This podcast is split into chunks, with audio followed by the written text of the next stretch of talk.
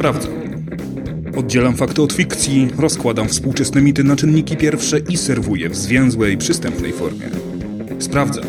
Podcast dla głodnych wiedzy i ciekawych świata. Mam na imię Adam, a w dzisiejszym odcinku opowiem o kąpieli w basenie reaktora jądrowego, świeceniu od promieniowania oraz milionach ludzi na całym świecie uratowanych przez Polaków.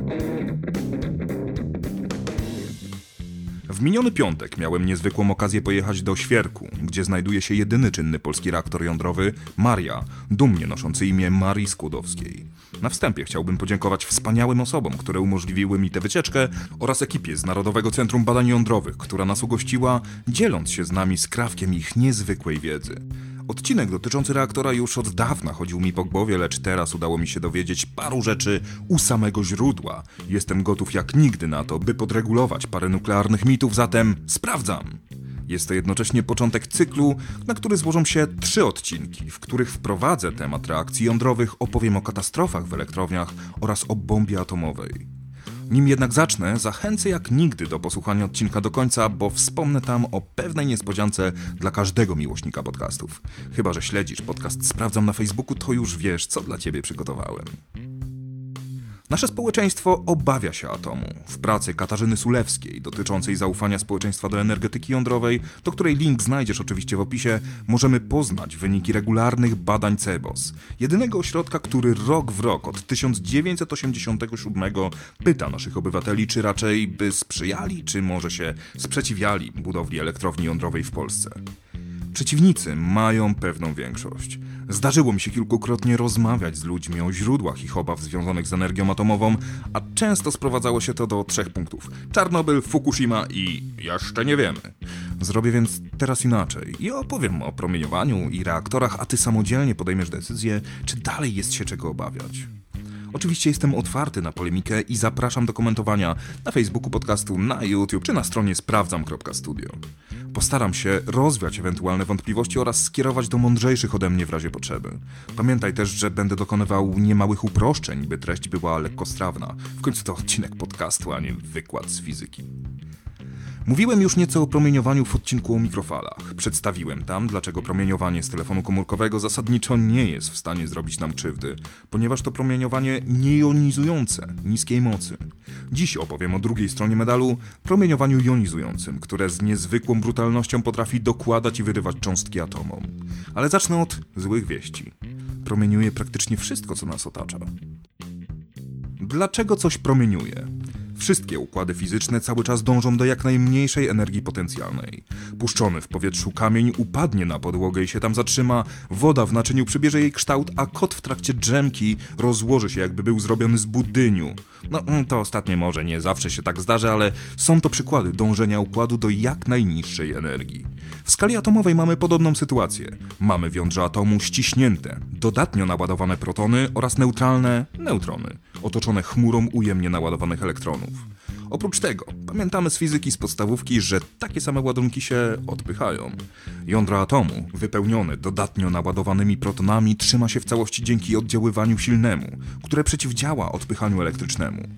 Liczba protonów w jądrze to liczba atomowa.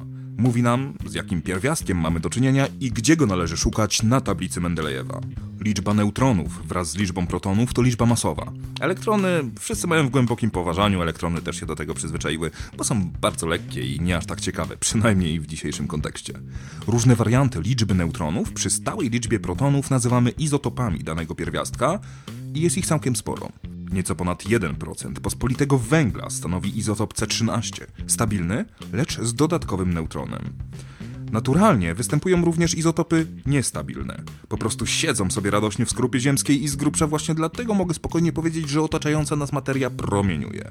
Nie trzeba jechać do kopalni uranu, by oberwać dawką promieniowania jonizującego od atomu, w którym było strasznie niewygodnie z dodatkowym balastem i z ogromną ulgą by się go pozbyły, pozbywając się zarazem nadmiaru energii ty również promieniujesz. Mniej więcej 8000 razy na sekundę w twoim ciele emitowane są nadmierne nukleony pochodzące z izotopów budujących twoje ciało. Nim przejdę parę kroków dalej, musimy sobie ustalić parę pojęć, które wszyscy intuicyjnie rozumieją, ale nie zawsze poprawnie. Jest to promieniotwórczość, rozszczepialność i napromieniowanie, które potrafią chodzić wspólnie, lecz opisują zupełnie różne cechy. Promieniotwórczość to emisja promieniowania. Nie wszystko, co jest napromieniowane, musi być promieniotwórcze. Tak samo, jak nie wszystko, co oświetlone, jest jednocześnie źródłem światła. Dlatego też jest mocno wątpliwe, by ktoś choćby po kąpieli w basenie czynnego reaktora zaczął świecić, choć ten scenariusz rozwinę jeszcze później. I w końcu rozszczepialność, czyli podatność atomu na rozpad po oberwaniu neutronem. Izotop uranu, stosowany powszechnie jako paliwo w reaktorach jądrowych, jest tam wykorzystywany właśnie dlatego, że jest rozszczepialny. A po co to komu potrzebne? Cząstki powstające podczas rozszczepienia mają ogromną energię kinetyczną, którą przekazują otoczeniu. Rozszczepienie jednego atomu uranu 235 daje nam jakieś 50 milionów razy więcej ciepła niż spalenie jednego atomu węgla. Porównanie to jest nieco nieuczciwe, okej, okay, spoko. Ponieważ atom uranu jest 20 e, razy cięższy niż atom węgla. Po zastosowaniu proporcji wydajność ta spada nam do zaledwie 2,5 miliona więcej energii z kilograma uranu niż z kilograma węgla. No dobra, cały czas oszukuję. Rozszczepialny uran 235 to zaledwie 7 promili naturalnie występującego uranu, więc nasze faktyczne paliwo zawarte w kilogramie uranu da nam realnie 70 tysięcy razy więcej energii niż idealnie czysty węgiel, pomijając tu fakt, że idealnie czysty węgiel również nie istnieje. Z kolei cena kilograma uranu jest obecnie niższa niż cena tony węgla. Oczywiście mówię tutaj o naturalnym, organicznym, wegańskim, niemodyfikowanym genetycznie, pozbawionym sztucznych barwników i konserwantów uranie. W praktyce, przynajmniej w Polsce, w drodze przetargu wyłaniany jest producent już gotowych kaset paliwowych, które potem tylko trzeba wrzucić do reaktora i obecnie tym producentem jest Rosja. Dostawca jest zobowiązany również zająć się odpadami. Problem w tym, że nie bardzo radzimy sobie z ich przewożeniem, jednakże w 2012 roku Stany Zjednoczone sfinansowały wywóz odpadów nuklearnych z Polski do Rosji. W końcu głupio by było, gdyby ktoś je nam zaiwanił i zrobił brudną bombę, szczególnie w erze terroryzmu. Jednak ponieważ używanego paliwa w reaktorach jest po prostu mało, to i odpadów jest niewiele i potrzeba ładnych paru lat pracy reaktora, by pojawił się chociaż powód do zastanawiania się nad organizacją transportu. Dlaczego boimy się bardziej odpadów nuklearnych niż odpadów po spalaniu węgla? Nie jestem pewien i myślę, że opowiem o tym w odcinku dotyczącym katastrof nuklearnych. W reaktorze dochodzi do reakcji łańcuchowej, w której rozbijane neutronami jądra uranu emitują kolejne neutrony rozbijające kolejne jądra uranu. Przy użyciu prętów zawierających izotopy pochłaniające neutrony można hamować reakcję, zaś zanurzenie całego reaktora w wodzie dodatkowo spowalnia jego pracę.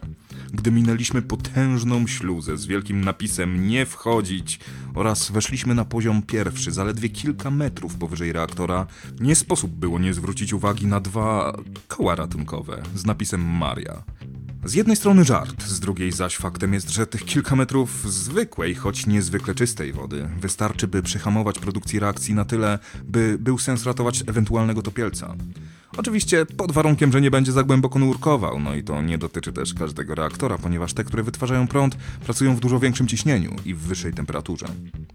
Ale reaktor to nie tylko ciepło. Co więcej, od reaktora Maria nie oczekuje się produkcji ciepła do późniejszego poruszania turbin generujących elektryczność. Jego zastosowań jednak nie brakuje. Na poziomie reaktora znajduje się pięć stanowisk badawczych, które dają dostęp do strumienia neutronów płynącego bezpośrednio z reaktora.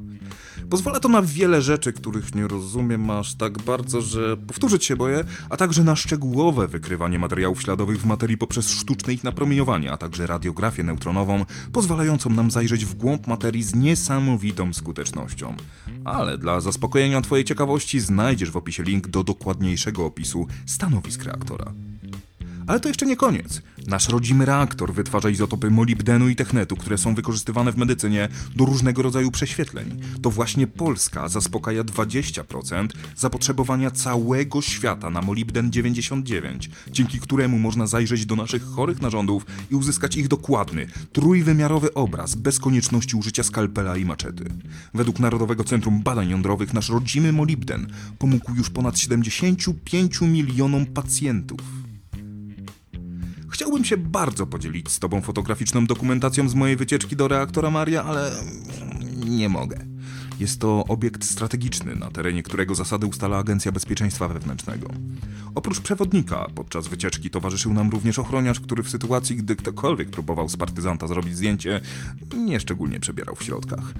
Jednakże, mimo że ABW nie bardzo się to podoba, można wybrać się tam grupą na wycieczkę. A informacje o tym, jak zwykle znajdziesz w opisie odcinka. Kolejnym epizodzie opowiem o wypadkach i katastrofach związanych z reaktorami jądrowymi. W świadomości społeczeństwa mamy raczej tylko Fukushimę i Czarnobyl, a to jest trochę jak oglądać wyścigi Formuły 1 tylko dla Roberta Kubicy, bez urazy Robert. A na koniec, zapowiadana niespodzianka. Michał Kasprzyk i Krzysztof Nowak z podcastu Do Początku zaprosili mnie do przeprowadzenia pewnego eksperymentu. W czasie wakacji zapraszają oni podcasterów do zrealizowania odcinka ich podcastu i miałem niezwykłą przyjemność zasiąść w panteonie wybranych twórców. Jeśli zatem masz ochotę usłyszeć, jak rozpracowuję historię hamburgera, a także poznać innych podcasterów biorących udział w projekcie, biegnij szybciutko na dopoczątku.pl lub znajdź ich w swojej ulubionej aplikacji podcastowej i zanurz się w opowieść o tym, co Chingis Khan oraz Oktawian August mieli wspólnego z kotletem w bułce. Do usłyszenia.